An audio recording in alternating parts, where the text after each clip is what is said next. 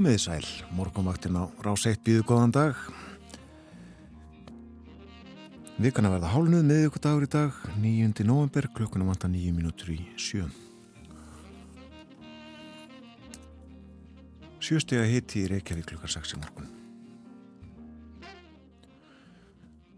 Þrýr metrar á sekundu, hægur vindur, tungliði fullt en um, ég sá það ekki á himlinum það er skíjað yfir höfuborginni. Gætið eins og er hafa sérst frá stikkisólmi létt skíja þar logg þryggjastega hitti og þarna hljópið yfir kvanneri tveggjastega hitti þar og tveir metrar á sekundu og förum vestur á fyrði 6 gráður á Patrilsfyrði og 7 metrar 11 metrar á sekundu í Bólungavík og 5 stega hitti þar. Svipað í Holmavík 5 gráður og 9 metrar á sekundu fór í 17 í mestu kviðu blésa norðan. Einn gráða á blöndu ósi hægur vindur, fimmstega hitti við söðunarsvita, 12 metrar þar, 5 gráður líka á Lokna og Akureyri, allskíjað. Fimmstega hitti á Húsavík, 5 gráður líka á Rauvarhöfn, 9 metrar á sekundu þar, fimmstega hitti á Skaltingstöðum og 8 metrar og samu upp á teiningnum á Egilstöðum. Þar var lítilsáttar ryggning snemma í morgun. Sjöstega hitti á höfni Hortnafyrði, við höfum ekki upplýsingar frá kvískerjum, 5 gráður á kirkjubæðaklaustri, 8 stega hitti á Stórhauða í Vestmanauðum og 4 gráður í Árnesi. Og hittin svona við frostmarkið á hálendinu, kannski einstigs frost það sem salast er, svona viðræður klukkan 6. Og þá því hvernig viðrar, hvernig horfurnar eru, norð-austlega 8-3 til 10 metrar á sekundu með morninum, en 10 til 18 norðvestan til og með norður ströndinni. Rygningið að slitta með köplum fyrir norðan en lítilsáttar væta sunnan til. Og það verður strekkingsaustanátt með söður ströndinni um tíma í kvöld og væta víða. Það bætir í úrkomuna fyrir norðan á morgun en verður þurft suðvestan til. Hversir frekar á vestfjörðum annað kvöld með snjókomu eða slittu og hitin 0 til 8 stig hlýjast siðst. Og það segir í hugleðingum viðfræðings að norðaustanáttin verði viðlóðandi fram að helgi en þá snýst í stífa söðaustlæga átt með rigningu víða. Og það hlínar um helgina á að vera hlýtt uh, víða á sunnudag sérstaklega hitin upp, upp í tíu stig þá en svo er gert ráð fyrir því að það kolni á mánudag og á þriðju dag verði hiti um allt land um og rétt yfir frostmarki. Það er mitt það. Hálka á vegum í það og krapi á fjardarheiði. Svona eru aðstæðunar í landinu þennan morgunin. Nú við erum með eh, annað augað á talningastöðum, talningu atkvaða eftir þingkostningarnar og ríkistjóra kostningar í bandarækjunum í gær. Eru komnar breyðar línur í þetta, Þórun? Þetta er uh, ekki ljóst en jú, það er allavega eins og staðinu núna ekki útlitt fyrir stórsigur republikana í báðum deildum þingsins. Um, það er útlitt fyrir núna að þeir fái meirluta í fulltrúadeildinni en ekki endilega í öldungadeildinni.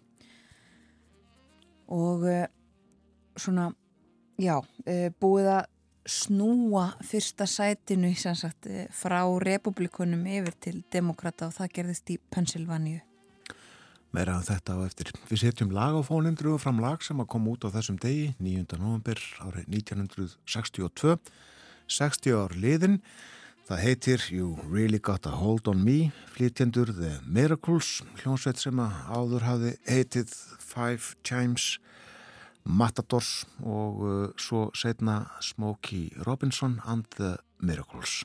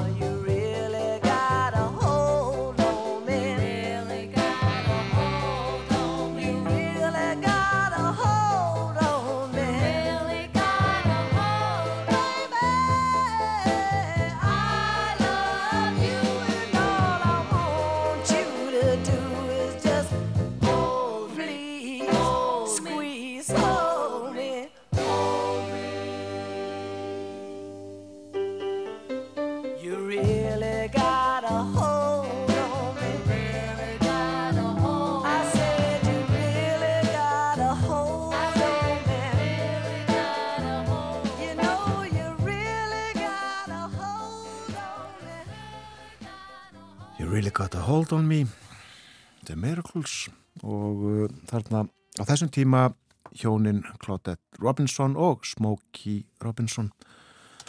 Það setna kulnaði ástinn og þau fóru korti sína áttina. Á þessum tíma 1962 þegar þetta lag kom út þá var John F. Kennedy fósett í bandaríkjana en uh, nú er það Joe Biden og uh, hann er örglega stressaður í Oval Office eins og hún er kallið í kvítahúsinu að fylgjast með talningu atkvaða eftir þingkostningarnar og ríkistjórakostningar viðaðan um bandaríkin í gær. Við fylgjast með hér á morgunvaktinni, fáum uh, nýjustu tíðindi í frettatímanum sem að fer af stað eftir réttrúma mínútu. Skoðum svo bandarísku blöðin á eftir og uh, förum sérstaklega yfir sviðið í uh, viðtali hér upp úr hálf átta. Bandarísk stjórnmál sem að sagt á daska hjá okkur þennan morgunin á samt ímsu fleiru sem við greinum betur frá eftir frettinnar.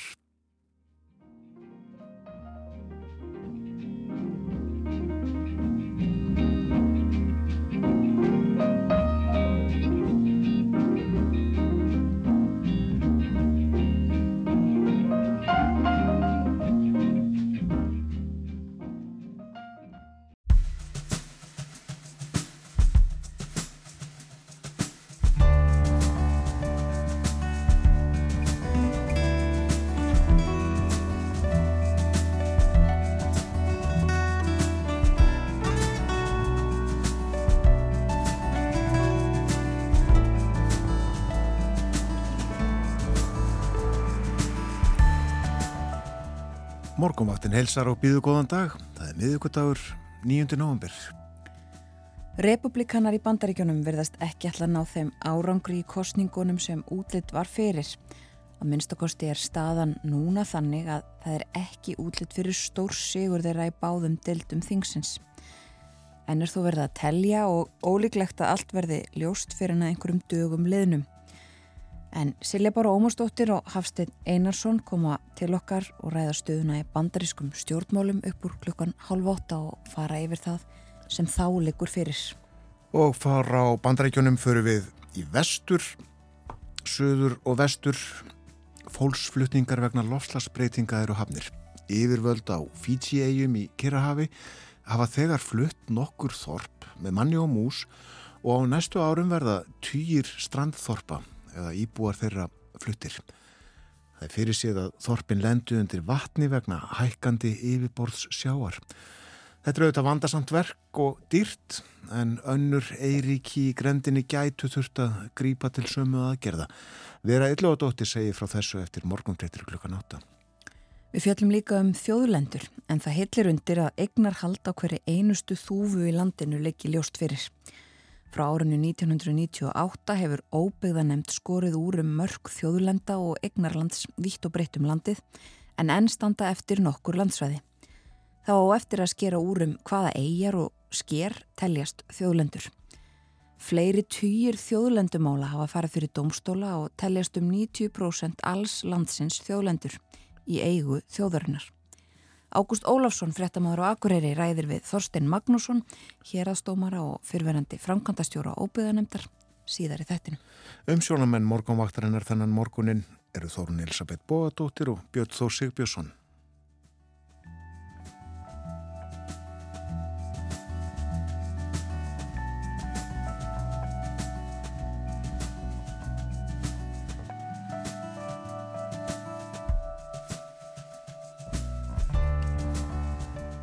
En okkur hlýtt víða á landinu. Hittin uh, á mörgum stöðum 5 gráður eitthvað svoleiðis uh, sumstaður 7 stiga hitti en uh, bara einstigs hitti á blöndu og sérstæma í morgun.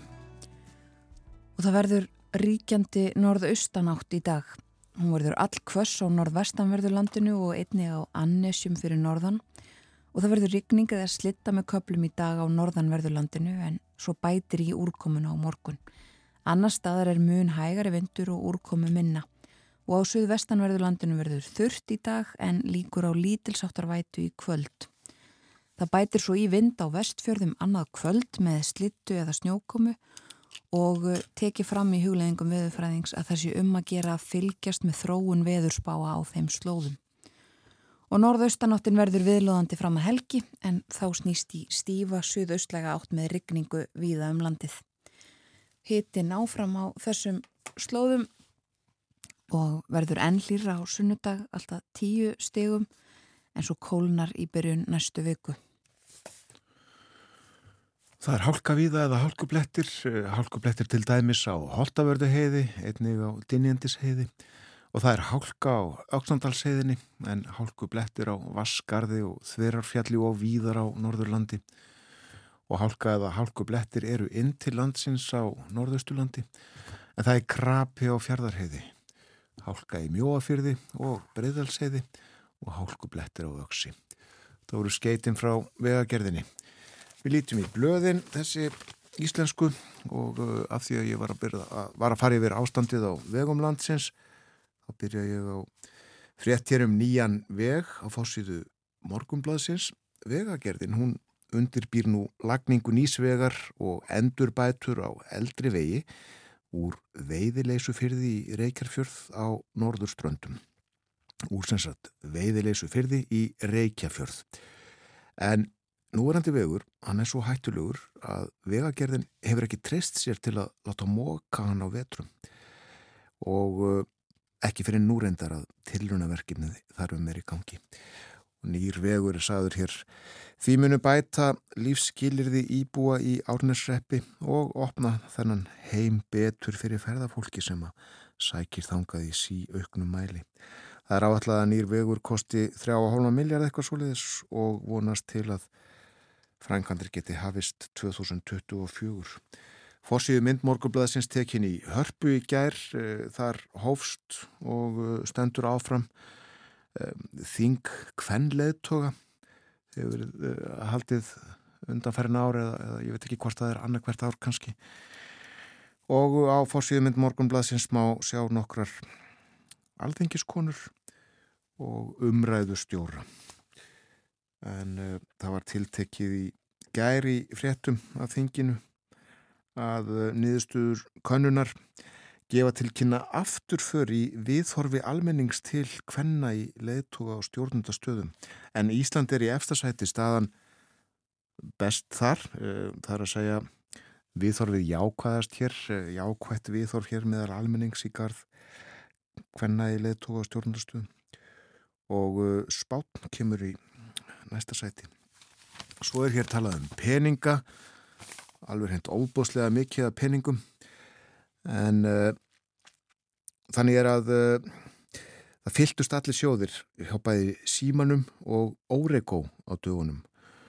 Uh, þessi fyrirtæki seldu frá sér eignir, símin seldi mílu, grunnetið og það allt saman og órego seldi fyrirtæki sem heiti Tempo og Fyrir þetta fengu fyrirtækin samalagt 55,5 eh, miljard króna og eh, drúur hluti var greittur til hluthafa nú á dögunum. Og eh, lífeyrisjóðunum til að mynda fengu og fá 28 miljardar þeir eiga svo mikið í bæði símanum og óregum og segir hér að til dæmis lífeyrisjóður Vestlunumanna sem ásensat bæði í símanum og Óriko færi sinn hlut tæpa 7,9 miljardar og Byrta 3,8 miljardar. Byrta er líka söður. Og uh, í frett morgunblad sem segir að það er það líklegt að megin þorrin af þessu fjármagni skilir sér aftur inn á íslenskan hlutabriðamarkað á næstu vikum og mánuðum. Fjárflæði á markað muni skila sér tilbaka, segir hér. Fórsýðmynd fréttablaðsins var tekið við Raunvallaskóla í Hafnafyrði í ger en þar mynduðu nefnendur og starfsfólk ring og knúsuðu skólan. Baráttu dagur gegn einelti var í ger en fyrir nokkru þá kom upp mjög erfitt eineltismál í skólanum, segir hérna. Og uh, svo er það uh, niðurstöður aðtöðunar sem að Þóruður Bjarnason, professor kynnti á dögunum málþingi í Háskólanum í Reykjavík Háskólara Íslands ásakið almennt séð er lítill áhugi á að búa í miðborg Reykjavíkur nema hjá fólki sem þar býr eða í nærlegjandi hverfum. Mesta sangkeppnin ríkir milli útkverfa höfuborgarsvæðisins og þjættbílistaða í innan við klukkutíma radíus frá Reykjavík. Þóróttu segir hlutfall fólks sem vil búa í miðborg Reykjavíkur er lágt og nýmislegt uh, fleira. Það er talið upp hér sagt frá í uh, þessari frett um uh, sangkeppni milli sveitafélaga eða íbúa kjarnar hverfa jáfnvel og aðtóðanir og því hvar fólk vil helst búa. Og þetta er dreyðið fram hér í fyrirsögn. Fáir vilja flytja í miðbæri Reykjavíkur. Þetta var það helst á útsýðum dagbladana, frettablasins og morgunblasins við ætlum að fara yfir erlendu pressuna hér á eftir og, og þá engum þá bandarísku. Eða við samt að fara í sögubækurnar íslensku? Við sjáum það nefnilega að í dag eru 90 ár frá gútdóslagnum og uh, frá honum er svona sagt á Wikipedia alfræðisíðinu gútdóslagurinn var baráttu tengdar götu óverðir í miðbæ Reykjavíkur 9. november 1932. Slagsmál brutust út milli lauruglumanna og verkamanna við góðtempara hús Reykjavíkur, það var kallað Gútó, en þar fundaði bæjastjórn Reykjavíkur. Og á fundi bæjastjórnaninnar þennan tiltekna dag var tekinn til afgreðslu tillaga um að lækka kaupið í atvinnubótavinnu á vegum bæjarins. En þá höfðu áhrif kreppunar miklu orði til þess að auka mikið atvinnuleysi í landinu og mikill mannfjöldi sapnaði sama við Gútó og uh, þessum áformum var mótmælt, mótmæltin byrjiði inn í húsinu en ferði svo út á götuna. Og uh, slagsmálunum laug með því að laurugla hörfaði og það var hættu tilugun og hún var dreyinn tilbaka. Fann frettir frá því daginn, daginn eftir þessa atbyrði, sagt frá þessu í blöðunum, uh, Altíðublaðið saði svona frá, ég hef yfir fyrirsögnuna, Bæjastjórnafundurinn í gær. Verkamenn eiga kost á að koma fram kröfum sínum en geta það ekki af því sprengingamennir vilja ekki leifa fundafrið. Lögreglun ber með tré kilvum á verkaliðnum. Svona saði allþýðublaðið frá. Það var annað tótni frásögn morgunblaðsins. Bæjastjórnafundi hleyft upp Samfylkingin, sósialistar og kommunistar gerðu í gerð út árás gegn bæjastjórn og lauruglu. Lauruglumenn riðja gúttemplarahúsið en hljóta alvarlega meðsli. Já, 90 ári dag frá gúttóslagnum. Mér dætt í huga að spila í kjölfarið lægiðum hann Palla Hall. Um árið fóru vegagerðar verkamenn í stræk. Þeir voru starfsmenn ríkisins og áttað brúa læk. En Palla Halla verkstjóra var ekki orðið rótt. Því hann áttað fá sinn bónus ef það gengi fljótt. Palli Hall Hækkað ekki kaupið Palli Hall Sendi fólkið heim. Palli Hall Hótaði að reka þá sem heimta meiri laun en ríkið skamtar þeim. Hann fór að vinna sjálfur til að sína þekkskapinn en sagaði í löppina og barði fingurinn Hann settist fremst á plankabút og sagað hann svo af. Þegar sögin náði gegn fór alltaf bóla kaf Palli Hall, hrapaði í ána. Palli Hall, misti gróða síns. Palli Hall, hann er orðin engil því til himna fór hann beint á vegum ríkisins. Og samt í Pétur fagnaði og fyldi honum inn Ég fegin er að sjá þig hérna, elsku palli minn. Því engla hörpu hljómsveitin, hún hlýðir ekki bön Og þeir heimta vísitöl á yfir vinnulaun. Palli Hall, hörpu sveitar stjóri Palli Hall, stjórnar þeim af list. Palli Hall, beitir sömu bróðum Og hann beitt á vegum ríkisins í fyrri mist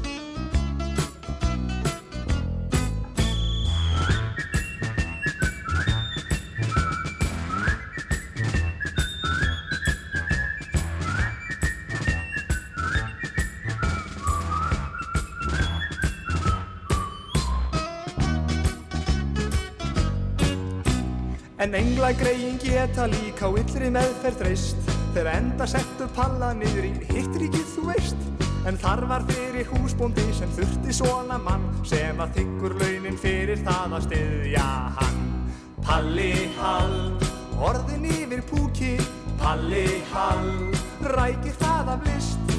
Palli hall, hefur meiri bónus En hann hlaut á vegum ríkisins í fyrri vist Palli hall, orðin yfir púki Palli hall, rækir það af list. Palli hall, hefur meiri bónus En hann hlaut á vegum ríkisins í fyrri vist. En hann hlaut á vegum ríkisins í fyrri vist. Þetta var lægið um Palla Hall, Ásker Ingvarsson söng. Og hann samti þennan texta við lag Joe Hill. Ásker var tónskáld, textahöfundur, myndlistamæður, já tónlistamæður líka. Var, las ég í alþýðukornu sem að Sigur Sveit Kristins og stofnaði og stjórnaði honum skeið. Ásker samti marga texta og ekki sístuð írsk þjóðlög og samti meðal annars texta fyrir Ríó Tríó. Við förum til bandaríkjana. Já, við förum til bandaríkjana þar sem að verður þeirra telja atkvæði og uh, spá í spilin útlitt fyrir það um, að republikunum farnist ekki alveg eins vel og spáð hafði verið. Um, engin merki um rauðabilgu, segir í fórsíðu frétt á New York Times.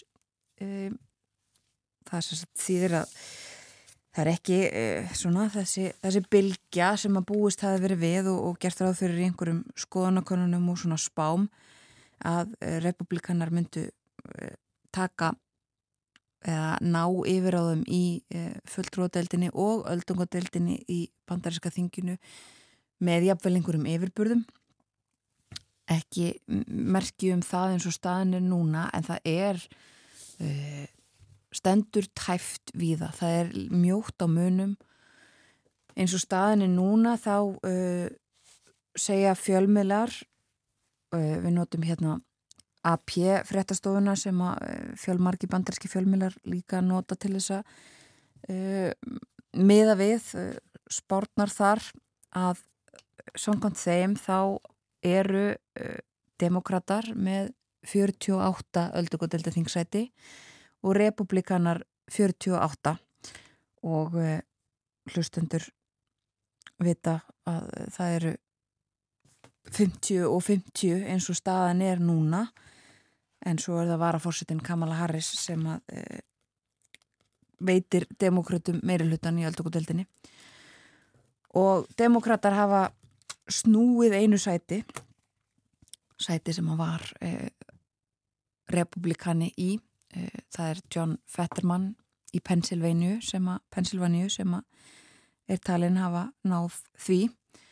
Og í uh, fulltróðdeldinni er staðan þannig að uh, republikanar eru sagðir uh, komnir, búinir að tryggja sér 193 þingsæti og demokrater 166 það er enn sem sagt verið að um, telja víða. Svo eru þetta alls konar uh, aðrar kostningar í gangi í ríkjunum sjálfum meðal annars verða kjósa um uh, ríkistjóra víða og eins og við heyrðum í frettunum áðan þá eru uh, alls konar tíðindi þar meðal annars verða kjósa í fyrsta sinn samkynniða konu til ríkistjóra og í fyrsta sinn sömuleiðis Eh, já, ímis, ímis svona tíðindi.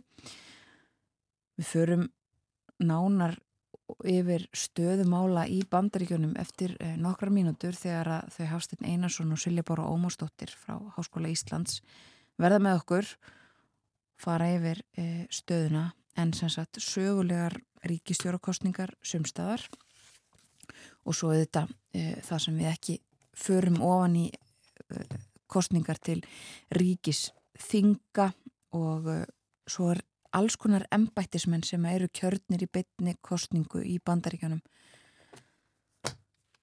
og uh,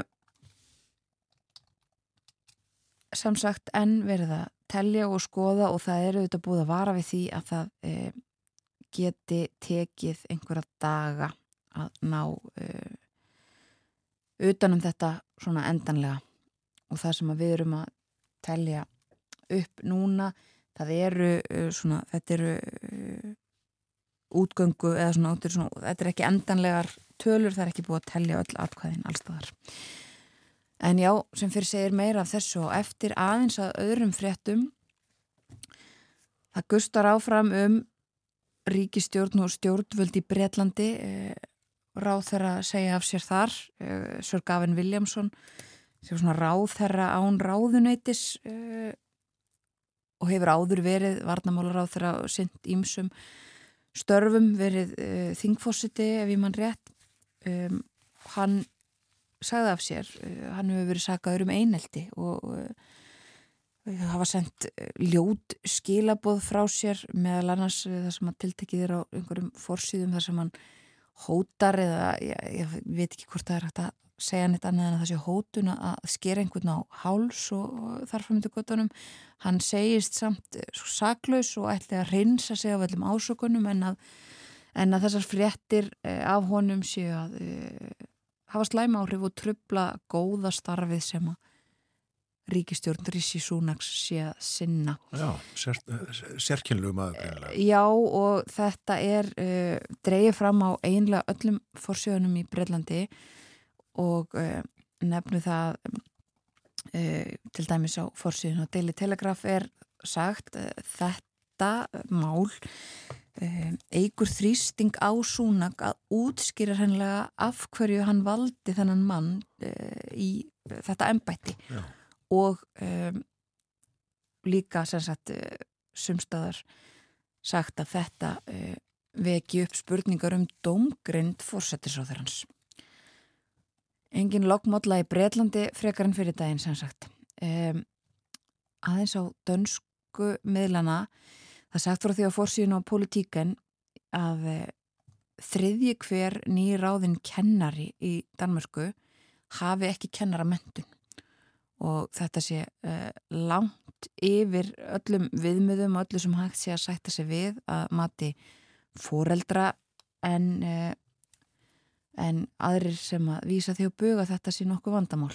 Uh, þetta, eru, þetta er sagt, stórt mál í Danmörku Annað stórt mál sem að verið hefur til umfyllunar lengi er mingamálið sem að hlustundu morgunvaktarinnar kannast við og uh, það er sagt frá því á fórsíðun og informásjón að þessu lagaprófessorar búinir að leggjast yfir málið og komast að því að það sé ekki tilefni eða ástæða til þess að e, til þess að ákjara Metti Fredriksson eða að fara með hana fyrir landstómi í, í Danmörku.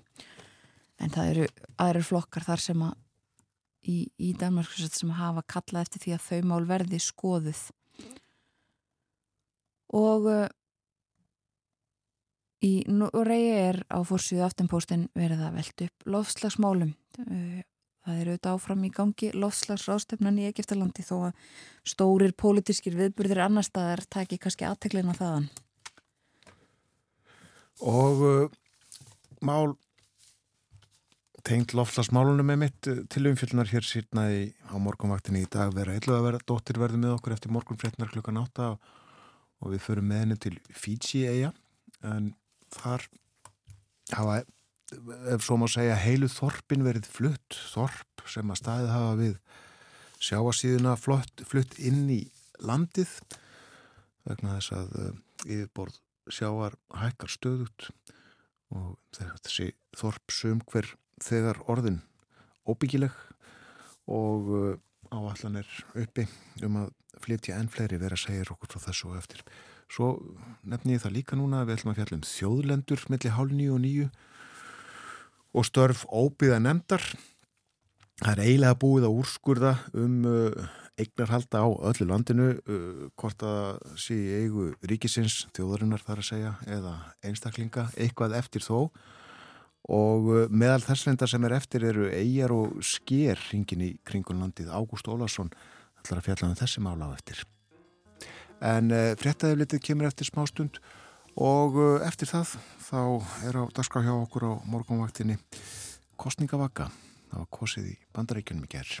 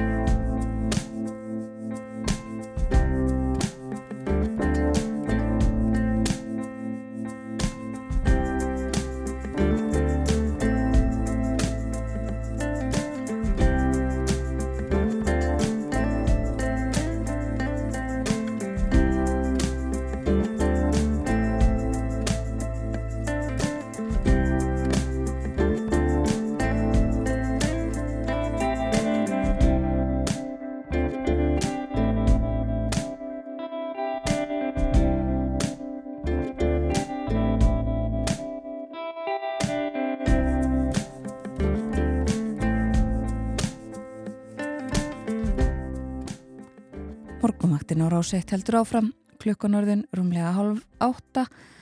Það er miðugudagur í dag 9. november og í gær þá var kosið í bandaríkjónum. Kosið um ímislegt, eh, öll sætin í fulltrúadeildinni, þriðjungssæta í öldungadeildinni um, og svo alls konar kostningar uh, í hverju ríki fyrir sig meðal annars uh, ríkistjóra ennbætti við það.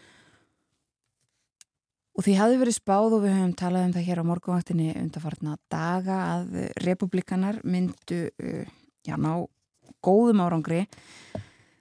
Þeir myndu uh, fá meiri luta í fulltrúadeildinni og líka öldungadeildinni. En eins og staðin er núna þá er þetta alls ekki eins um, mikil svona rauð bylgja og talað hafi verið um. Ætlum að fara yfir stöðuna eins og hún er núna eh, með fyrirvörum til okkar á morguvaktin eru komin Silja Bóra Ómarsdóttir, professor í stjórnmálafræði og Hafstein Einarsson aðjungt. Þau eru bæði við stjórnmálafræði til Háskóla Íslands. Velkomin. Takk fyrir. Sko, uh, byrjum aðeins bara kannski á að taka stöðuna uh, svona stóru myndina. Uh, ég nefndi þetta að það er ekki uh, útlitt fyrir þessa rauðu bylgu sem að bandaríski fjölmjölar höfðu margir Mhm. talað um. Uh, hvernig bara kannski, hvernig stemdur þetta núna? Hva, hvað vitum við núna? Já, það er hérna, það stendur mjög tæft í, uh, í raun og veru í fulltrúadeildinni þar sem að hafði kannski allar spár svona gáði til kynna að, að republikanar eruðu segi ekki sko með yfirgnafendi meiri hluta en svona örugir samt með meiri hluta og núna bara eru hérna sínist með flestar svona hérna flestar spárnar vera bara með þetta eila alveg nýfjamt Uh, þannig að, að ég held að demokrater haldi nú ennþá í vonina með að þeir ná að halda uh, því en, en það er ennþá mjög ólíklegt. En síðan var hérna undir morgun uh, líst yfir Sigri Fettimanns frambjóðu demokrata í Pennsylvania og það er fyrsta sæti sem demokrater er að taka til viðbútar við sem og þeir hafa einhver tapað enn sem komið er. Að- í öldungadeildinni. þannig að þá mögulega eru þeir að horfa á 51 sæti þar sem að eru þetta einu betra en 50 þannig að hérna uh, en við höfum eftir að sjá nokkur nokkur tæp uh, hérna ríki en þá Nevada, Arizona Georgiu uh, en hérna en til dæmis Ohio sem að demokrata voru líka vonast til að taka það fjall hérna republikana megin. Já. þannig að þetta er, þetta er allt nýfjamt raun og veru. Já, þetta er allt nýfjamt um, og sko skulum aðeins uh, svona uh, einbytt okkur að öldungadeildinni í byli uh, þú nefndir þessi ríki Silja bara Georgia, Nevada, Arizona þar sem að enn er uh, verið að já, bara enn er þetta ekki ljóst mm -hmm.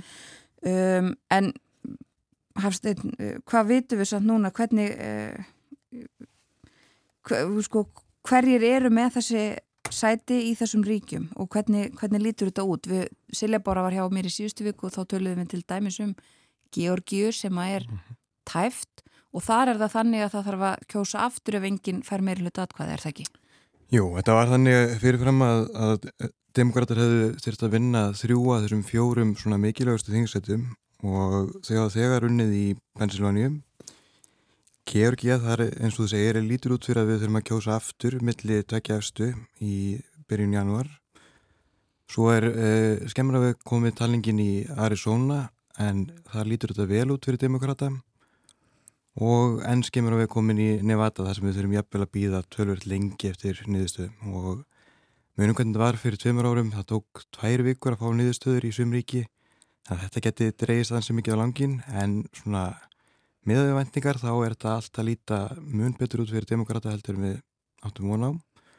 Og svona maður myndi telja líklegar heldur en ekki að að, að demokrater náu þessum 50 þingmunum í öldungadeldinni sem að þó að þetta sé ennþá nóg eftir sko. Það lítur vel út fyrir það akkurat núna Þú talaður um þess að tvær vikur. Getur við hort fram á svo langan tíma? Já, maður vonar ekki. Það var náttúrulega alveg gríðarlega jæmt síðan sko. við, við vorum með tvö ríki sem vorum með unnust með 0,1 og 0,2% mm. og já, þó að það sé gaman fyrir okkur stjórnmálafræðingarna þegar það er jæmt þá er þetta kannski svona, orðið full stressandi síðast. Þannig ég vona kannski að við fáum að heyra já, ekki setna en, en á 15. og 1. dag hver endalega niðurstöður Já, já og sko og annað sem að gerist kannski þegar þetta dregst svona langin, það gerðist síðast að það svona, það ítti enþá meira undir það sem að þegar var orðin svona einhver reyfingu bandaríkunum að uh, evasemtinnar um lögumæti kostningana mm, um, og við töluðum aðeins um það líka í síðustu viku síðan bara uh, sko og ég hef talað um það sko, við séum það í bandarískum fjölmjölum síðustu daga svona ímislegt um, til dæmis að veri verið að um, taka myndbönd af því þegar verið væri að færa kjörgasa mm -hmm. og myndbönd af fólki að kjósa og svona þessar evasemtir auðvitað uh, verið mikið til umræðu og margir frambjóðundur líka mm -hmm. uh, líst yfir evasemtum um síðustu kostningar en hvernig, byrjum kannski bara á því hvernig hefur þetta farið fram hvernig fór þetta fram í gerð, var mikið um uh, einhver átök eða eitthvað svona Það er auðvitað, eins og hún segir, þessi undiralda í bandarsku samfélagi sem að dregur í efa lögumæti og hérna framkvæmt, lögumæti framkvæmdar uh, kostninga og maður heyrið alveg eins og í Arizona það sem að er uh, frambjóðandi republikana til ríkistjóra að hún er í hópi þeirra sem að hafnar niðurstöðum uh, síðustu fórsættakostninga og uh, hefur neitað að, að segja að hún muni taka gilda útkomu ef hún tapar uh, hérna Þannig að, að það er alveg verið að halda þessum áruri lifandi og, og uh, fjölmjölar hafa verið að reyna að taka svolítið skýrt á því að svara og, og benda á að hérna, framkvæmdir eins og til dæmis uh, fólk, republikana megin til dæmis tilur ofta að, að það að senda atkvæði posti bjóð upp á að þeim sé stólið eða að þau séu talinrangt eða, eða falin eða eitthvað þess og þar og þá er bóðið upp á sérstaka afhendingastæði og núna er verið að, að draga það í efa þannig að þú svona fari yfir af hverju er verið að gera hluti. En uh, ef fólk er sannfært í um það að, að uh, það sé verið að svindla þá náttúrulega er kannski erfitt að ná til þeirra. En það sem að kannski er einn áhugaverðast að bandar ekki með náttúrulega fá mjög flókna kjörsæla uh, og ofta er það sagt, að þú getur kosið bara efsta þú kýst frambjöðundar republikana þá ert að kjósa republikana sagt, niður allan listan. Og maður sér núna því það eru mjög margir sem að hafna útkomu kostninga í frambóði meðal annars til innaríkisræðara í ríkjum sem að, að fara með sagt, kostningar, framkvæmt kostninga og þeir eru að tapa. Sagt, þeir sem að hafna niðurstöðum kostninga verðast að vera frekar að tapa, fólk er að skipta atkvæðum uh, það vill ekki uh, þá einstaklinga í þess, þessi ennbætti þannig að, að þetta er svona eitt af því sem ég finnst áhugaverðast að sjá vegna þess að það er ekkert mjög algengt að fólk sé að velja frambjöndur, það er miklu meira að velja flokk. Já, en nú er það þannig þannig að kannski republikanar eh, vilja kjósa republikana til, til þings, já, til já. þings og kannski mm. til síns eh, eh, þingsins í ríkinu já. en ekki, ekki sem, ríkis, já. Já, ekki sem ennaríkis og þannig að þetta er svona hérna og þetta er eitt af þessum málum sem eru kannski svona hvað, hvað mesta skautunir ríkir um sko. Þannig að, að þetta er svona eh, mínum að þetta er ákveðin vísbending um að það sé hægt að, að brúa þarna einhverja, einhverja gjá á milli uh, hópa. Já, ég saði frá því held ég gerðmorgun að þá voru fórsíðun og New York Times talaði með um mitt í Arizona þá væri búið að ebla öryggiskerslu það væri hérna uh, já, bara búið að grípa til alls konar þannig aðgerða og þá verður það kannski búið svo undir að það yrðu eitthvað uh, bara kæmi eitthvað upp á, á kjörstuðum en við mm. ekki heyrt neitt af slíku eða hvað? Nei, maður verður að segja að sjálfur kjördagur allavega hefur farið gríðarlega vel fram og maður hafði svona nokkuð miklar ávíkjur að þessu. Þetta, hérna, það er búið að vera undirbyggjað svona þessa umræðu og hann er að, hérna, republikanar gætu farið að efast um niðurstöðu kostningana og ímsa leiðum beitt til að gera það til að mynda að telja utan kjörfundaratkaði síðast. Þannig að við hefum getað séð það að republikanar væri með fórskott allt kvöldið og svo í lokatölunum þá allt ínu skjótast demokrater upp fyrir. En það er alltaf eitthvað sem við þurfum aðeins að býða með að sko, hérna, að getur vel verið að, að Trump og fleiri takja þessu umræði á næstu dögum en sjálfur kjördagur allavega fór eins vel og hægt var að vonast. Já. Og um, áframið mitt þið nefnu Trump og, og um, margir kannski meðal hans svona fólki sem að hann stutti líka efasemta fólk um einmitt lögmæti kostningarna um, höfum við eitthvað yfirlit yfir það hvernig þessu fólki uh, svona gekk, þú nefndir þetta sérlega bara mm. það svona með ríkistjórun eða innaríkisáþurina en uh, frambjöðandunir til þings uh, höfum við einhverju svona stöðu á því hvernig þeim gekk Já, það er sérstakt yfirlit allavega eins og hjá Washington Post sko, það eru hérna uh, hvað segður þeir að vera 291 af 567 frambjóðundar sem hafi verið lagt mata á sem að væri þessum hópi og þeim er að ganga ágætlega sko. Æ, hérna uh, Trump auðvitað var á uh, hérna kostningafundum fyrir marga af þessum frambjóðundum þannig að maður sér ekkert að þeim gangin eitt verð og þetta er auðvitað svona eitt af þessu sem að Ég held að demokrater spiluðu svolítið tæpanleik með því að, að styðja oft þessa frambjöðundur í prófkjöri hjá republikunum þau töldu þetta að vera hætt, hættu minni anstæðinga í kostningunum sjálfum. Og það e, er kannski að, að skapa aðstæður síðan núna inn á þingi þar sem að, að verða hérna, já, það verða e, verður erfitt að eiga hérna bara samtöl. Já. Fólk kemur með mjög skriknar hugmyndir inn Algjörlega, en svo er það í þessum líkiríkjum uh, sem við rættum hérna, það er að frambjöndinu kannski ekki tekið skýra afstöð til þess hvort að kostningarnar voru eitthvað óðurlega framsýðast, en það má eiginlega til samsvegar færa að stuðningur Trump við þessa tilteknu frambjöndur treyði það að repúlgana buði fram frekar veika frambjöndur mm, í þessi líkil þingsæti og já, ég veit ekki á, maður að segja óbeint hafa hann hjálpað demokrautum með því að velja þessa veiku frambjöndur sem að náðu verri árangur heldur Já. en ytir aðstöður hefur bent til. Já, og þetta er einmitt, Mitch McConnell talaði um þetta oddviti uh, republikana í öldungadeildinni að sagt, uh, gæði frambjóðenda republikana væru uh, hérna, ekki, ekki nógu mikil vegna þess að einmitt það væri svona, það er hérna ríkistjóra frambjóðendin í Arizona til dæmis, Kerry Lake, Mehmet Oz, Dr. Oz í Pennsylvania sem er búinn að tapa Já að hérna, það sem að, að frambjóðandi demokrata þar og maður sá sko munin á árangri sko ríkistjóra sem er búið að kjósa demokrata sem ríkistjóra í Pennsylvania og munin á árangri hans og, og öldungadelda þingma sem síndi náttúrulega að uh, að fólk hafði efasemdir um frambjóðandi demokrata, um fettumann sem að, að hérna fekk alveglegt heilblóðfalli í, í upphauðu sumars. En ekki nóg til þess að, að oss kemist fram úr og það er einmitt þetta svona veikur frambjóðandi sem að, að náði ekki tengslu við kjósendur og, en, en Trump hafði svona trana fram sko. Já, Já uh, og sko svo er það þannig og við höfum reglulega rætt það að það eru þetta sko við býðum eftir úslitum og býðum eftir því hvernig þetta raðast allt saman endanlega um, en svo er fólk í bandarækjunum bara farið að huga næstu kostningum það er bara november 2024 mm -hmm. Donald Trump er búin að gefa það út að hann ætli að gefa eitthvað út í næstu viku.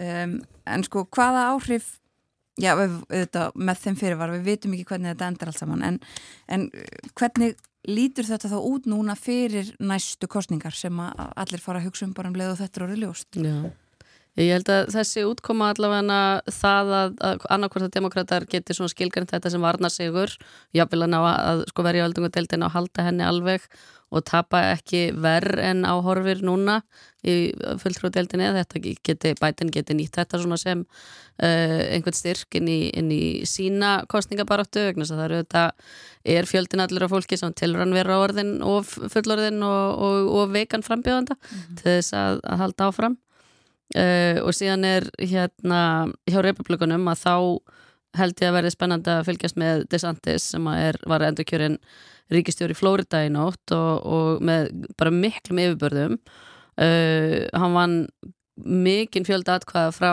fólki á rómursk-amerískum uppruna sem að almennt stiður frekar demokrata heldur en republikana þó Florida sé svolítið aðeins undantekningi því. Og hann er fyrst í republikan langan tíma til þess að sigra í uh, Miami-Dade síslu það sem að demokrater almennt eru líka mjög sterkir. Þannig að hann kemur mjög sterkur inn í þetta kjörtjumanbeil hann hefur verið að dara við fórsta frambóð og, og það er að það að Trump sé farin upp með nefnan sínir auðvitað að Trump óttast hann sem mótframbjóðanda. Þannig að þetta held ég að sé svona kannski mest spennandi Algjörlega, svo er náttúrulega bara afskaplega erfitt að vita hverjar svona þessar ytri aðstöður verða næst. Hérna, það að demokrater hafi virðist alltaf að lifa af jafnvel þrátt fyrir þessa miklu verðbólgu gríðarlega óvinnsæl sitjandi fórseti og alltaf það, það gefur þeim svona ákveð, ákveðnaða góða vísbendingu.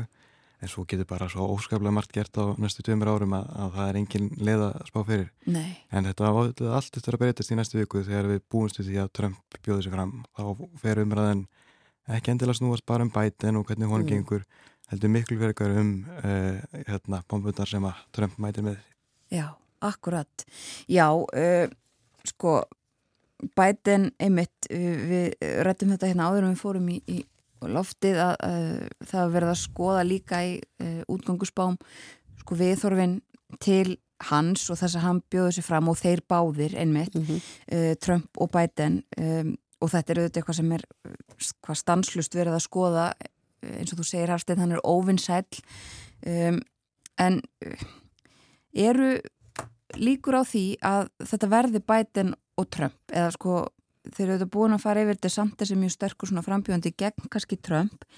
En hvað með bætin um, aftur með þessum fyrirvara það eru auðvitað langþanga til og, og, og allt getur gerst. En, en svona ef við skoðum bara hefðina og þannig er ykkur að líkur á því að það að bjóðu sér einhverju rillumis fram gegn honum innan demokrata eða verður honum eftirláti sviðið ef hann vill halda áfram? Já, ég held að það sé allavega eitthvað sem að hefur líkunar á mótframbúðu innanflokksins hljóta minka snarlega mm. við e, tíundið dagsins um, hittir hann að mála auðvitað geta hann persónulega tekið þá ákverðin að, að, að stíða til liðar en hérna Sko yfirleitt er það þannig að þessar fyrstu kostningar eftir að fórsetið var kjör eins og bara við upplöðum með Obama þá gengur yfirleitt rosalega Obama misti 63 þingsæti í sínum fyrstu kostningum gríðarlega stort og mikið tap.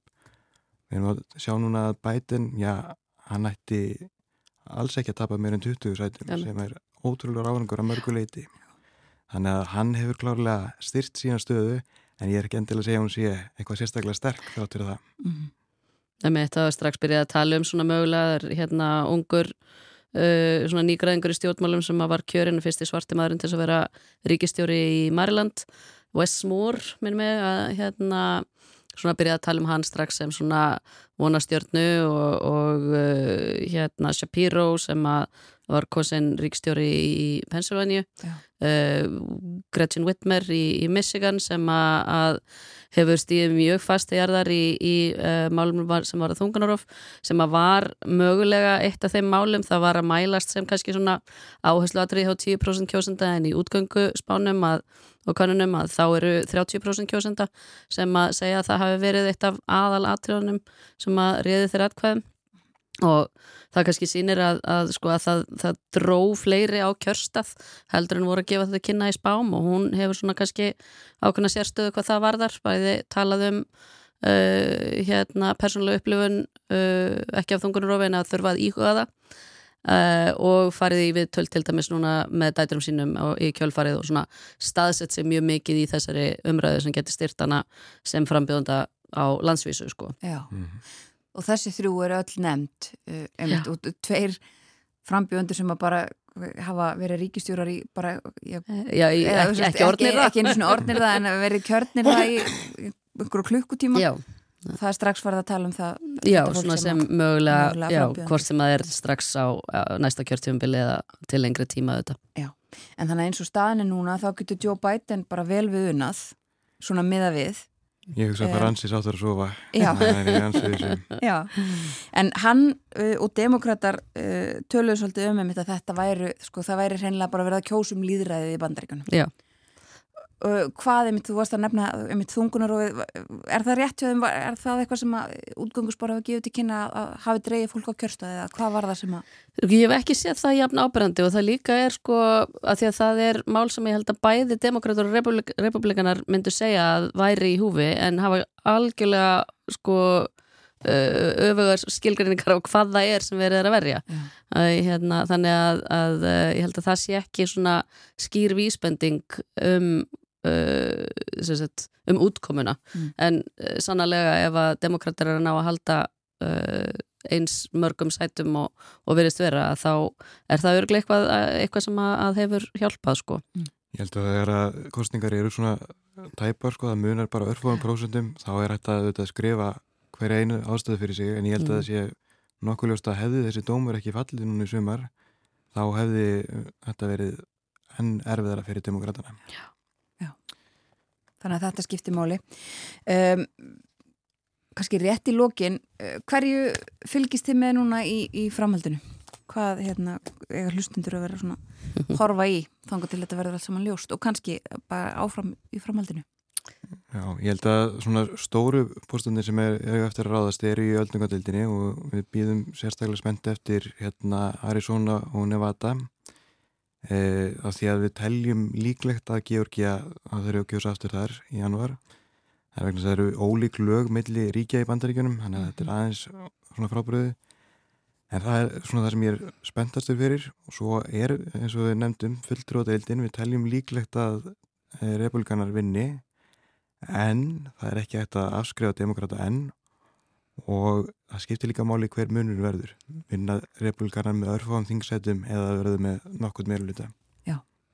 svo er þetta þessi ríkistjóra sæti og aftur verðast demokrata hafa fengið hérna allt svona fallið með þeim mm -hmm. Wisconsin, Arizona, Pennsylvania er meira að minna allt ríkið sem að þeir verðast vera líklegri til að vinna Sérlega bara, samála þessu. Þetta, þetta Já, ég held að það sé hérna, einmitt, það er uh, kannski tæpara í Wisconsin í öldungadeildinni heldur en ég hefði búist við, þannig að maður svona kannski hefur augun á því líka eins fram til degi Mm. uh, hérna, en þetta er uh, það eru þessi, þessi sæti sem að demokratanir eru að verja sem að, að uh, ég held að muni stýra framgangi stjórnmála í bandaríkjunum næstu 2-3 árin sko. Já, akkurat. mm. Og eins og við rættum uh, síðast hérna í síðustu viku að þá stjórnar það því líka einmitt hvað uh, verður svona ábyrjandi og hvað þingi verður að taka fyrir. Já. Svo býðum við vera spennt eftir uh, því að Trump taki umræðinu yfir aftur eða þannig Já, Einmitt. Já. Og hann er búin að tilkynna að það, hann ætli að tilkynna um eitthvað í næstu viku og Já. fastlega búist við því að hann, hann tilkynir það ekki að hann fari í frambóð, ekki að hann ætli ekki í frambóð. Jú, ég held að það sé nú meiri líkur en minni á því að hann reyni við þetta aftur. Hvenær hefjast sko forvölin? Þau fara í raun og veru ekki fram fyrir en í upphafi árs 2024 en uh, það eru margir svona sem að dífa tánum í, í það vatn svona frá og með uh, bara núna og uh, fram á, næsta haust. Já. Það er ekki algengt að fólk sé að stíga fram bara rétt fyrir Iowa eða New Hampshire sko. Nei, en maður finnst þetta samt alveg lígilegt að vera í tvö ári í Já. samfældir kostningabart þetta Já. verður eitthvað, eitthvað annað sko að fylgjast með þessu núna. Mm. auðvitað. Kæra þakki fyrir að koma til okkar á morguvaktina Silja Bára Ómarsdóttir og Hafstein Einarsson. Takk.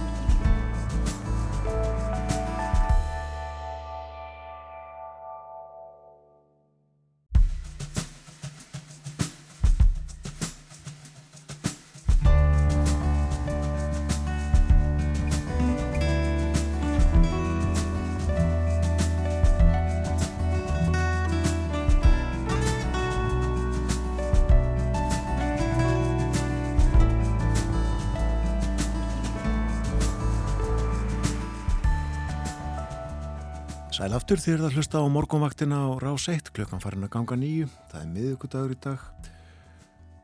Komið nýjundi nóvambir. Og útlitt fyrir bara ágætis veður á landinu þennan daginn. Tunglið er fullt. Ég nefndi það hér fyrir morgun að ég sá það ekki þegar ég kom út í morgun og skíjað. En fekk svo setna upplýsingar um að það, jú, sást frá Reykjavík. Gæðið svona á milli skíjana var staðar úti á yfir fagsaflóðunum gott að vita því. Við förum í ferðalag. Vera Ylluadóttir er komin til okkar eins og uh, jafnan annan hvern miðugudag Góðan dag vera. Góðan dag. Þú ætla með okkur til Fiji eiga þessu sinni. Já, það uh, var laung umfjöllun í Breska blæðinu Guardian um daginn og uh, þetta er umfjöllunarefni sem leiðis á, á lofslagsráðstefnu saminuði þjóðana sem að nú stendur yfir í, í Egiptalandi.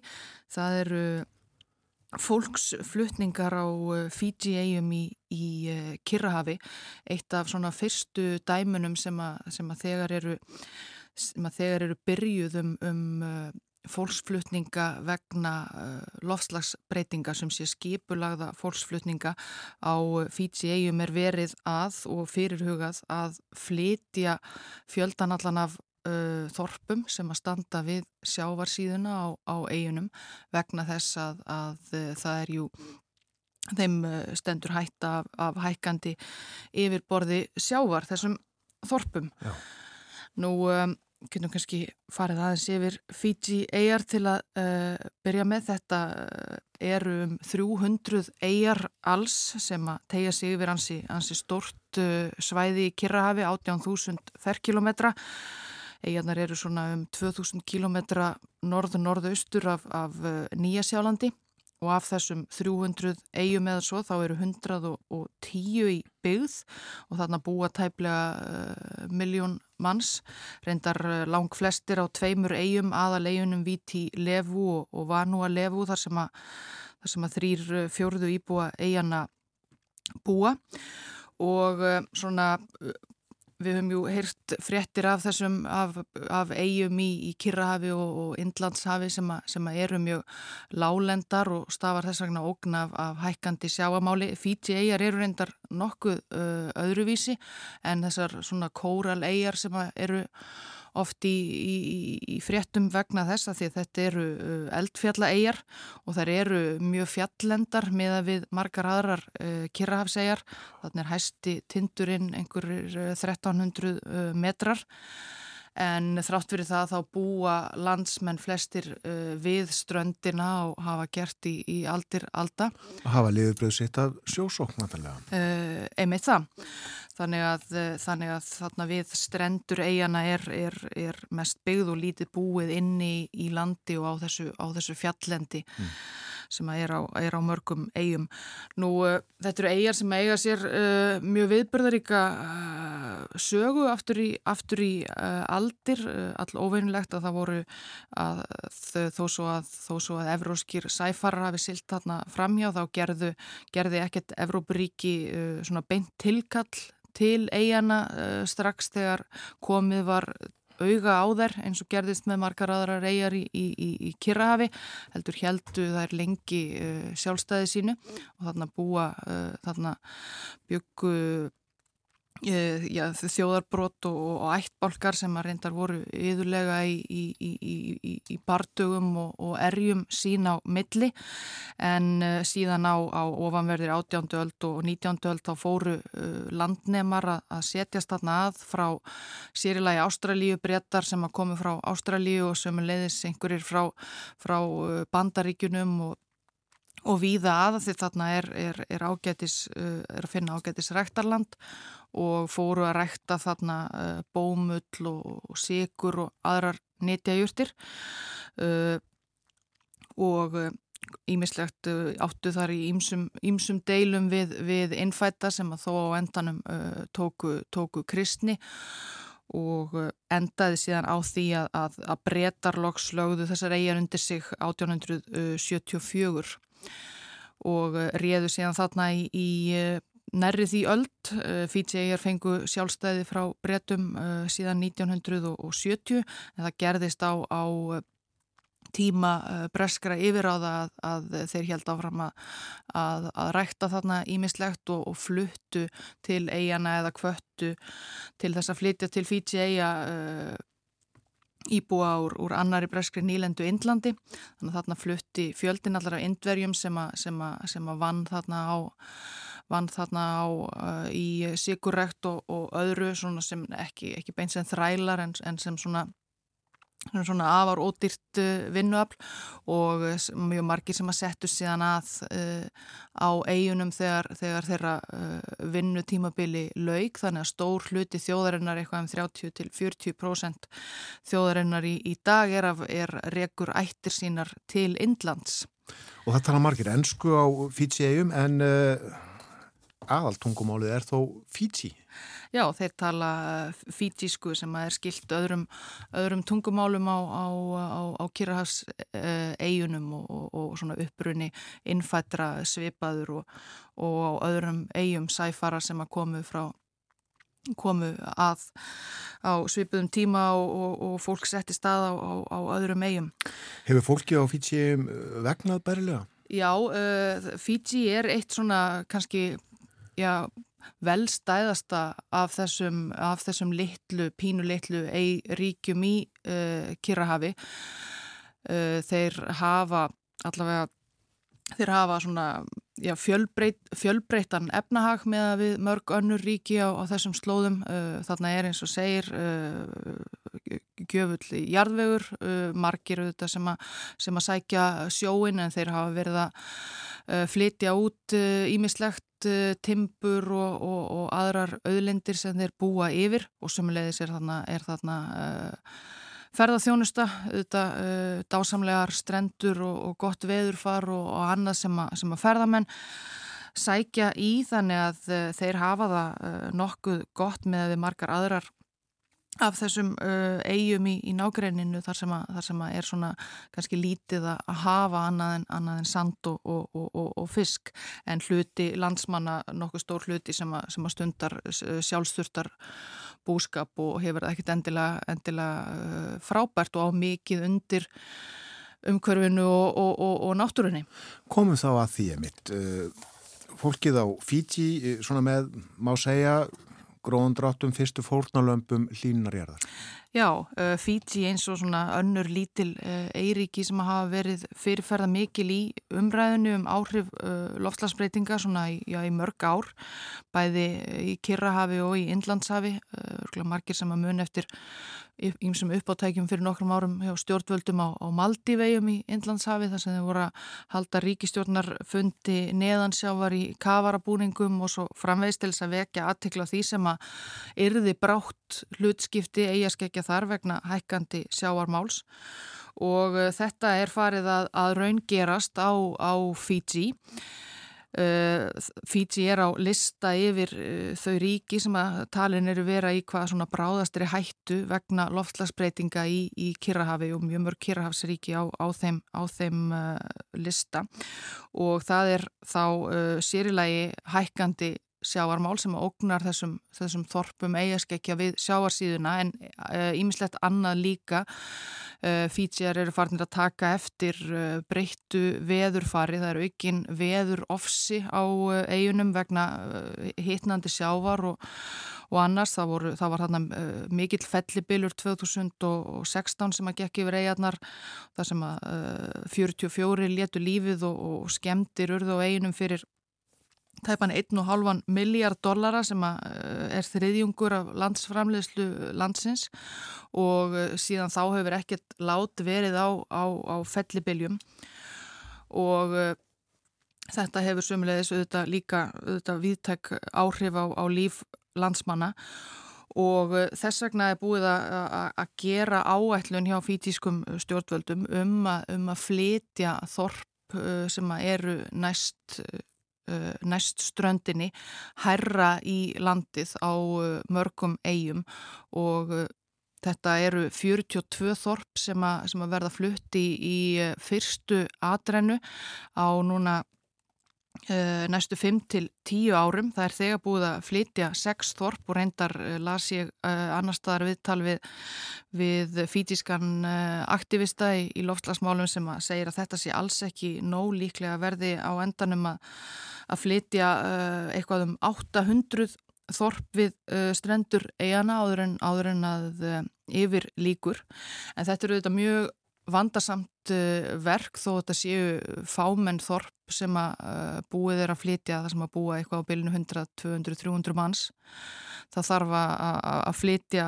þetta er ekki bara það að flytja nokkra kofa herra upp á land heldur þarf að flytja alla innviði sem leiðis að þarf að leggja nýjan veg, það þarf að flytja allar ofinberar byggingar heilsugjastlur og, og, og skóla, rafleðslur og, og pípulagnir og svo, svo framvegis kirkjuna og eitt af því sem hefur verið stjórnvöldum uh, já, hvað vanda samast sangan þessari úttækt í, í Guardiana um daginn er að það þarf, er að fólk uh, neytar að flytja nema kirkjugarðurinn sé, sé fluttur með þeim og að, að ættingar þeirra og forföður fái að fara með þannig að það þarf að grafa upp uh, kirkjugarðin og, og flytja hann uh, sömu leiðis og ímislegt sem að, sem að þarf að hugsa um. Eh, stjórnvöld reyna að gera þetta í mikilli sátt við íbúa hvers þorps. Það er ekki tekin ákvarðun um, um flutning nema 90% íbúa sé samþykkur og jáfnvel uh, þorpsbúum uh, hverju sinni skipt upp í hópa þannig að það þarf að vera 90% allra kvenna í þorpinu, 90% eldri borgara og svo framvegi sem að, sem að, sem að samþykir uh, flutningana og síðan ímislegt annað eins og, eins og, eins og að finna hendugt land. Það hafa komið upp uh, í þessum sex þorpum sem að þegar hafa verið flutt, þá hefur allavega einu sinni komið upp að, að það var flutt uh, nálægt þorp og að setja stað nálægt öðru þorpi sem var fyrir og síðan kom til einhverja deilina þar um, um landamerki og, og, og annað. Þannig að það er ímislegt og auðvitað, eh, auðvitað stór breyting á, á, á lifnaðarháttum uh, þorpsbúana af því að þetta er jú í, í mörgum tilvíkum fólk sem hefur sótt sjóin og þarf núna kannski að ganga langar vegalengtir til þess að komast uh, niður að hafi til þess að geta haldið áfram sínu gamla viðurværi og svo framvegs, þannig að þetta er, þetta er að, að mörgu að higgja og mjög, mjög flóknar framkvæmdir. Meiri háttar aðgerð greinlega en uh, aðtilsvært að heyra hversu vel stjórnvöld hlusta á fólkið.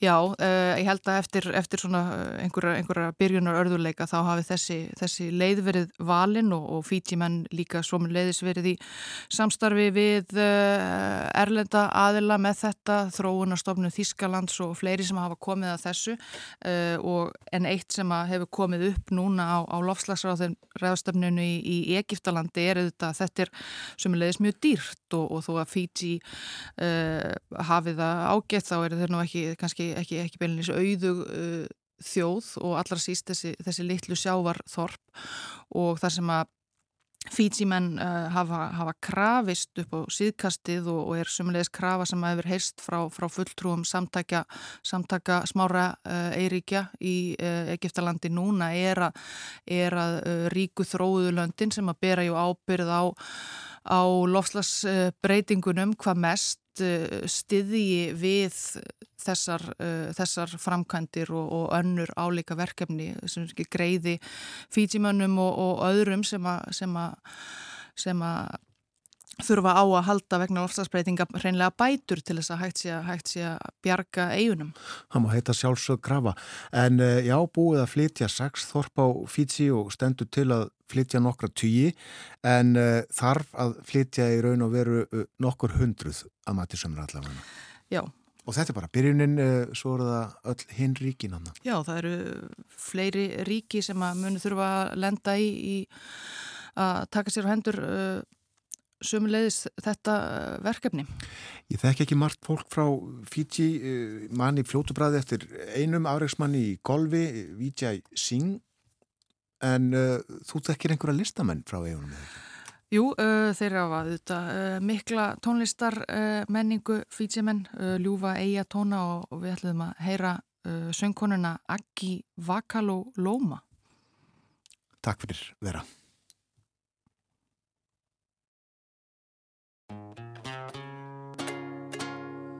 Dúa dígu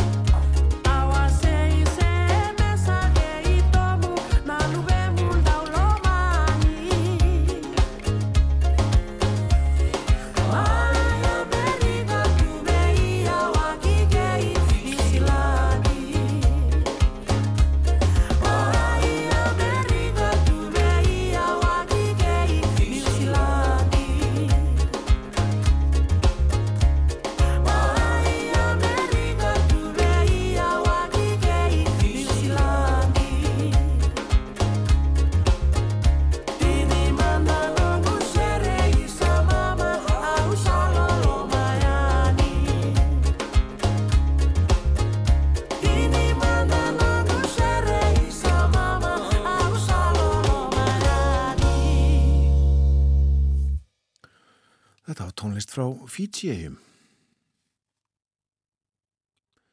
Ísa Mama, hér lægið. Og flytjandinn söngkonan Aki Vakaloloma. Vera illu að dóttir valdi þetta lag til að leika eftir frásögn frá Fiji. Það sem að uh, meiri áttar aðgerir hafnar og munu standa næstu ár og ára tvíi það þarf að flytja fjölmörg þorp frá sjáarsíðinu og inn til landsins vegna hækkandi sjáastöðu. Og frá Fiji förum við uh, hingað heim. Við ætlum að fjalla um uh, þjóðlendur, óbyðanemnd, langt sem við hefum gert það. Þetta var risastort mál hér í samfélagsumræðinu fyrir nokkrum árum. En greinum betur frá hér eftir smástund eftir fréttaðið sem að kemur slæðinu hálf nýju.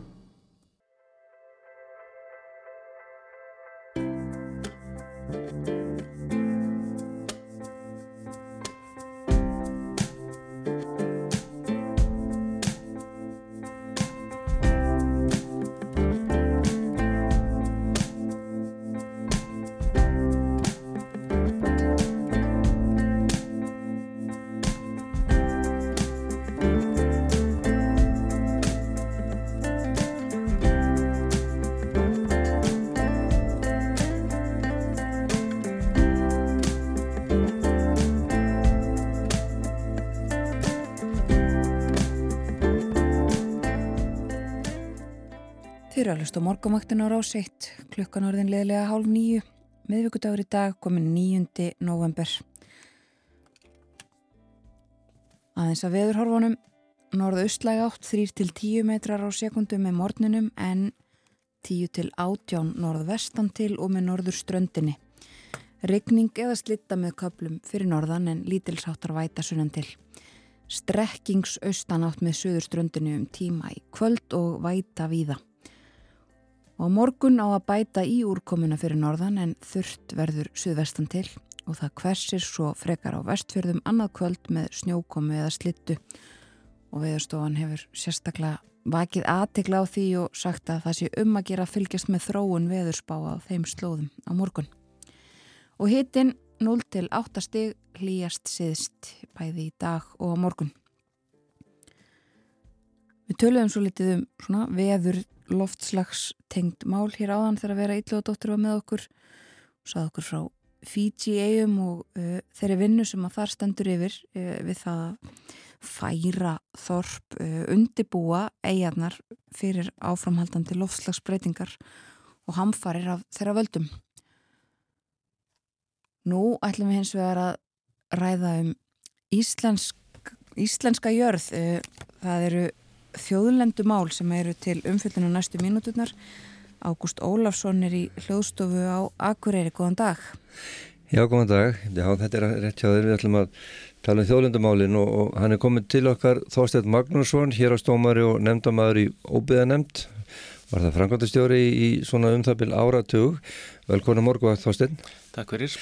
Eh, þú ert á leiðin upp í háskóla að fjalla um þjóðlendumál og, og hérna svona hvernig, hvernig þetta, þessi mál hafa verið framkvæmd og, og, og niðurstöður og heimildi og fleira og, og hérna, þú ætlar að fara að fræða háskólanemma og lögfræði sviðinu þar um, um þessi mál.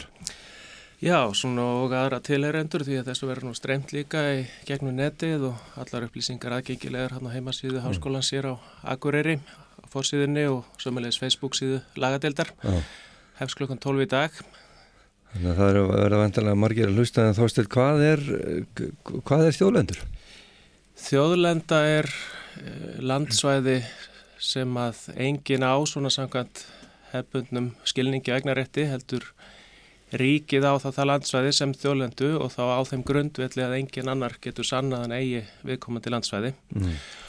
Og þessu fyrirkomulagi var komið á með þjóðlendulögum sem voru sett 1998 og þá var þetta ákvarðað að allt land uh, skildi annarkvort teljast þjóðlenda eða egnarland og óbeðanend var þá stopnum með þessu lögum og henni falið það verkefni að, að skera úr um hvaða land heldist þjóðlenda og mörg þjóðlenda gagvart egnarlandum. Mm. En svo líka getur það verið þannig að einhverjir eigi takmarku réttindi innan þjóðlenda þó er eigi ekki landið og, og þá er nú kannski algengasta formið á því svona réttu til afréttar nota, uppreistar réttur, réttu til að beita búfi á svæðin á sumurinn. Þannig að ef að, að slík réttindi hafa verið til staðar ána borð og að við komum að ekki átlandi þá halda, halda menn þeim réttindum. Mm. Um, Það er búið að fara við það á, á þessum 24 árum síðan óbeðunend var sett á lækirnar og, og já, hvað er búið að úrskurða já, stóra hluta landsin sem, sem, og, og með það sem þjólendur?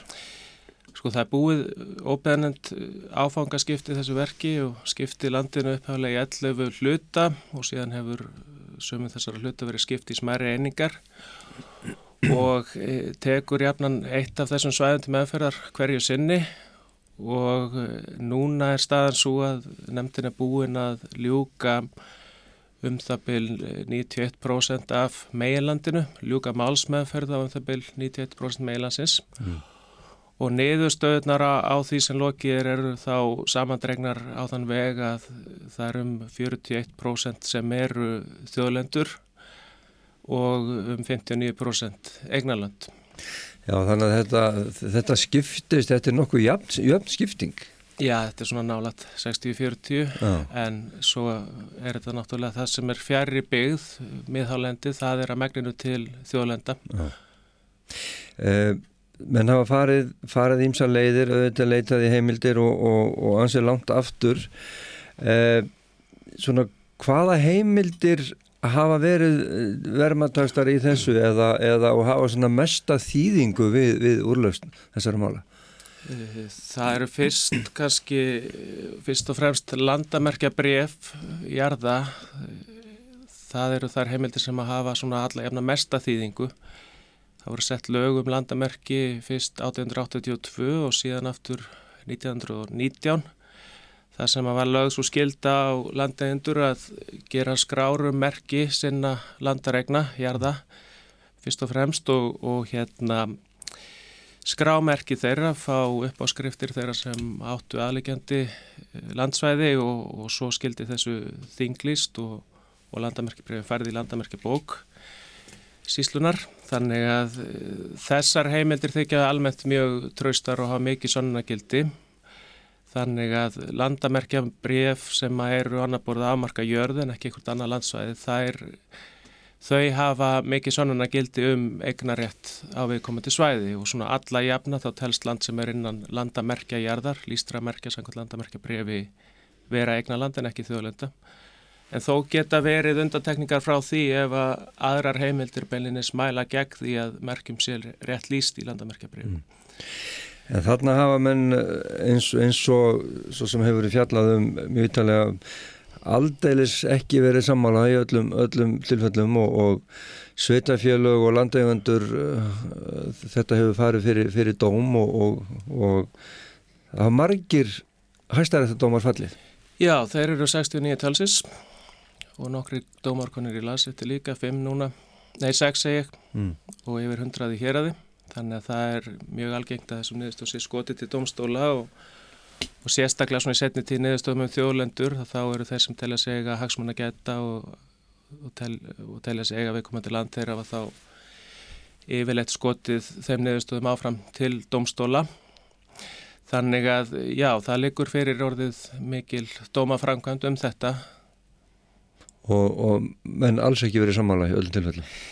Nei, nei, það er náttúrulega þannig að þarna kannski vegast á uh, hagsmunir, annars vegar almanna hagsmunir sem að snúa því að, svæði sem enginn á sé þjóðlenda og hins vegar enga hagsmunir og, og mikilvæg eigna réttindir sem ber að verða ef að þau eru annar bort í staðar og, og oft er, er þetta háð náttúrulega mjög svona flóknum mati hver staða svæði sem segir í raun og veru þannig að það er vel hægt að skilja það að menn sé ekki alltaf sammála um nákvæmlega hvernig að tólka heimildir til dæmis sem eru óljósar, merkjalýsingar kannski, brotakendar, stundum með fallið í glemsku hvar örnefni er staðsett sem að merkjalýsing byggir á og svo framvegist þannig að oft er, oft er alls ekki ljóst af heimildum hvernig, hver staðasvæði sem sér fyrir en að heimildir eru borna saman og, og vegnar og metnar og svona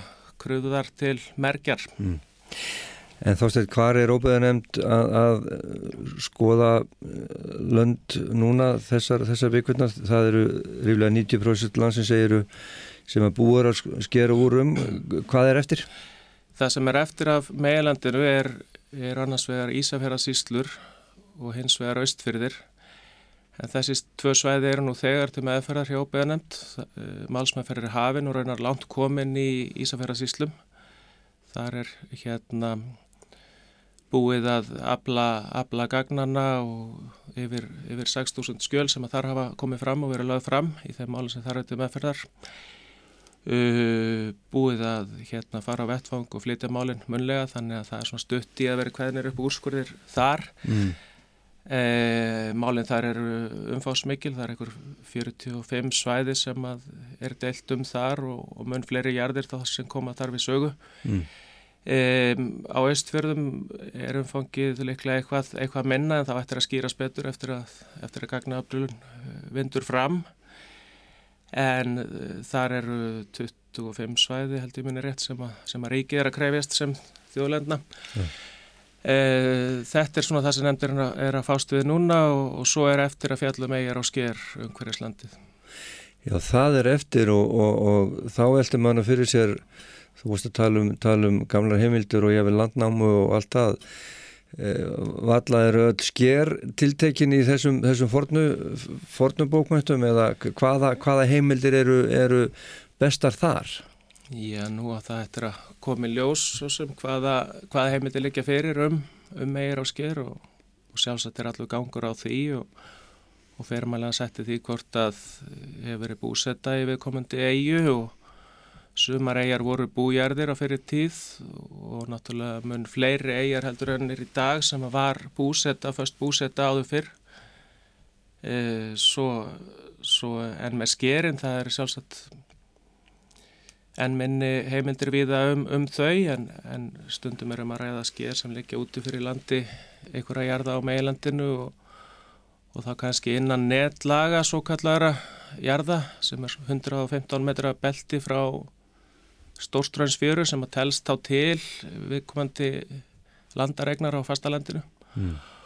þannig að það geta verið það geta skipt máli verulega máli hvort að skerið er innan innan 115 metra frá uh, strandlengjun eða ekki. Um, en það er svolítið erfitt að segja fyrir um það á þessu stegi sko hvaða, hvaða heimildir nákvæmlega líka fyrir. Þjóðskjálasafni vinnur, gríðalega vinnur fyrir nefndina við að abla gagna eftir að svæðir eru tekindi meðferðar og og eftir að kröfur koma fram líka mm. til þess að svona varpa ljósi á, á hver staðan er á viðkomandi svæði. Nemndin er ekki búin að telja? Nemndin er nú ekki búin að telja en það er svona líka nú fyrir einhverjar heimildur um það eigjar og sker samtalsum hverjus landið er eitthvað annan 2000 sangat upplýsingu sem ég fekk upplega frá loftmyndum og, og held að líki fyrir hjá landmælingum líka þannig að það er talsverðu fjöldi Já, eh, að því að við erum nú hér, í, hér, hér á Norðurlandinu og þú ert að fara að, að tala við, við fólk upp í háskóla. Það eru hérna ég veit að þú ætlar að taka dæmi um, um úrskurð og, og, og hvernig var unnið í málum hér, til dæmis eins og bara hér í eigafyrði, það er það er ekkit langt að fara hér í, í, í þjóðlendumálinn Nei, nei, hér eru, eru þjóðlendur nálat okkur og svæðir nokkur sem var dæmt um í, í hæstarétti meðalans hérna sögur í ferði uh, Arnastadatungur og, og Kvassafellsdalur hvort ekki svæði sem var deilt um fyrir nefndinni og svo fór fyrir domstóla allavegi fyrir hæstarétt mm. og það var svona áhugaverð uh, álita efni sem að reyndi á í, í báðum þessum dómum, svo dæmið sér tekin ja.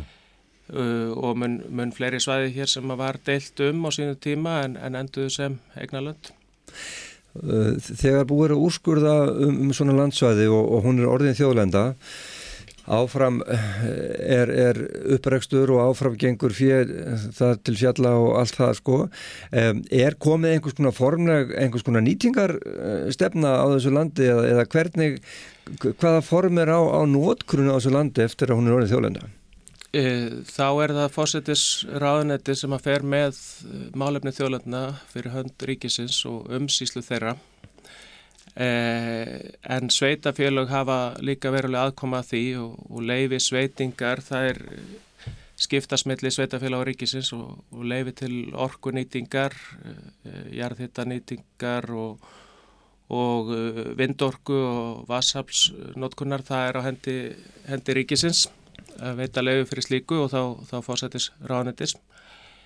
Sveitafélag veita leifi fyrir annari nýtingu en ef þetta er lengri tíma en eins ást þá þá líka leifi fórsættis ráðnettis og ég veit að ráðnettið hefur verið að svona marka stefnu um, um notkun og svona eigenda stefnu fyrir, fyrir ríkið en það er svona mál sem er þá ekki að hendi, hendi óbeðan endar og ég get svo sem ekki svara fyrir nákvæmlega hvernig, mm. hvernig það er en, en svo, svo er sem sagt þá tekjur, tekjur af þessum að ríki fær fyrir leifisvetningar og eftir aðtökum sveitafélög og varuleg skísla sem að fórsetisráður að flytur alþengi um, um notkun þjóðlendina og, og, og ráðstöfun tekna af þeim. Mm. Þannig að þetta er, þetta er alveg sérferðli sem, sem að fer þá á stað eftir að búið eru úrskurða. Já, þá þarf ráðanandi líka þinglis eignarheimildum ef að, ef að það er og stop, stopna þjóðlendina sem, sem fastegnir í, í fastegna skrá og og láta þinglýsa viðkomandi egnar heimildum. Þá er ofta orðin til ný fastegnir á veru, fastegn sem verður ekki verið til áður sem þá þjóðlenda. Og já, þannig að, þannig að þess, það er í raun alveg uh, sérstætt, uh, þá er það sérstætt af, af borði nefndarinnar og, og hendi þá ríki sem annast umsýsluna og sveitafélaga.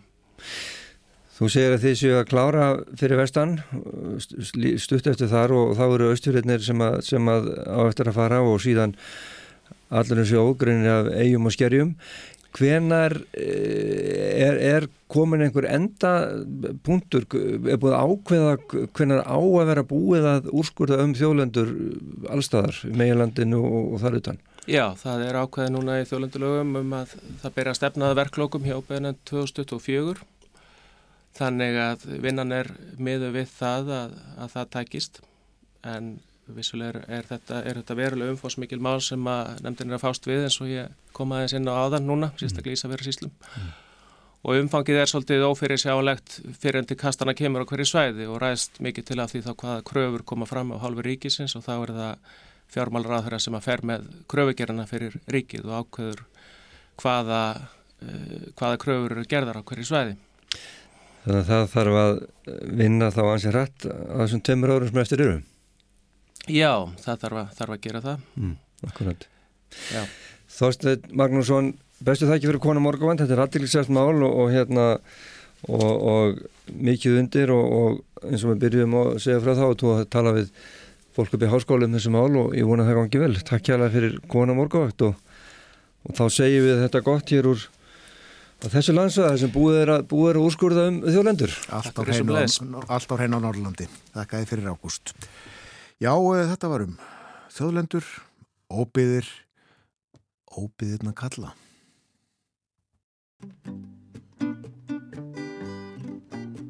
hoppa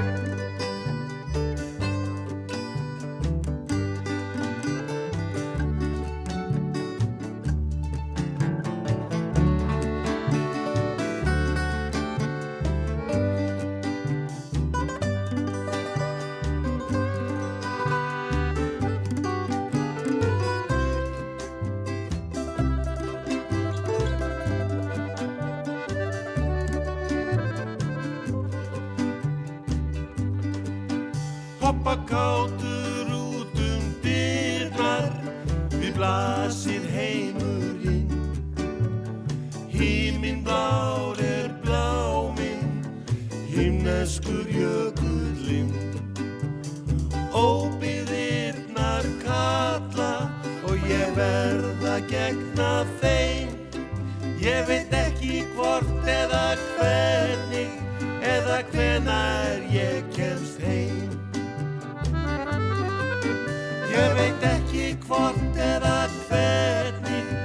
la quella.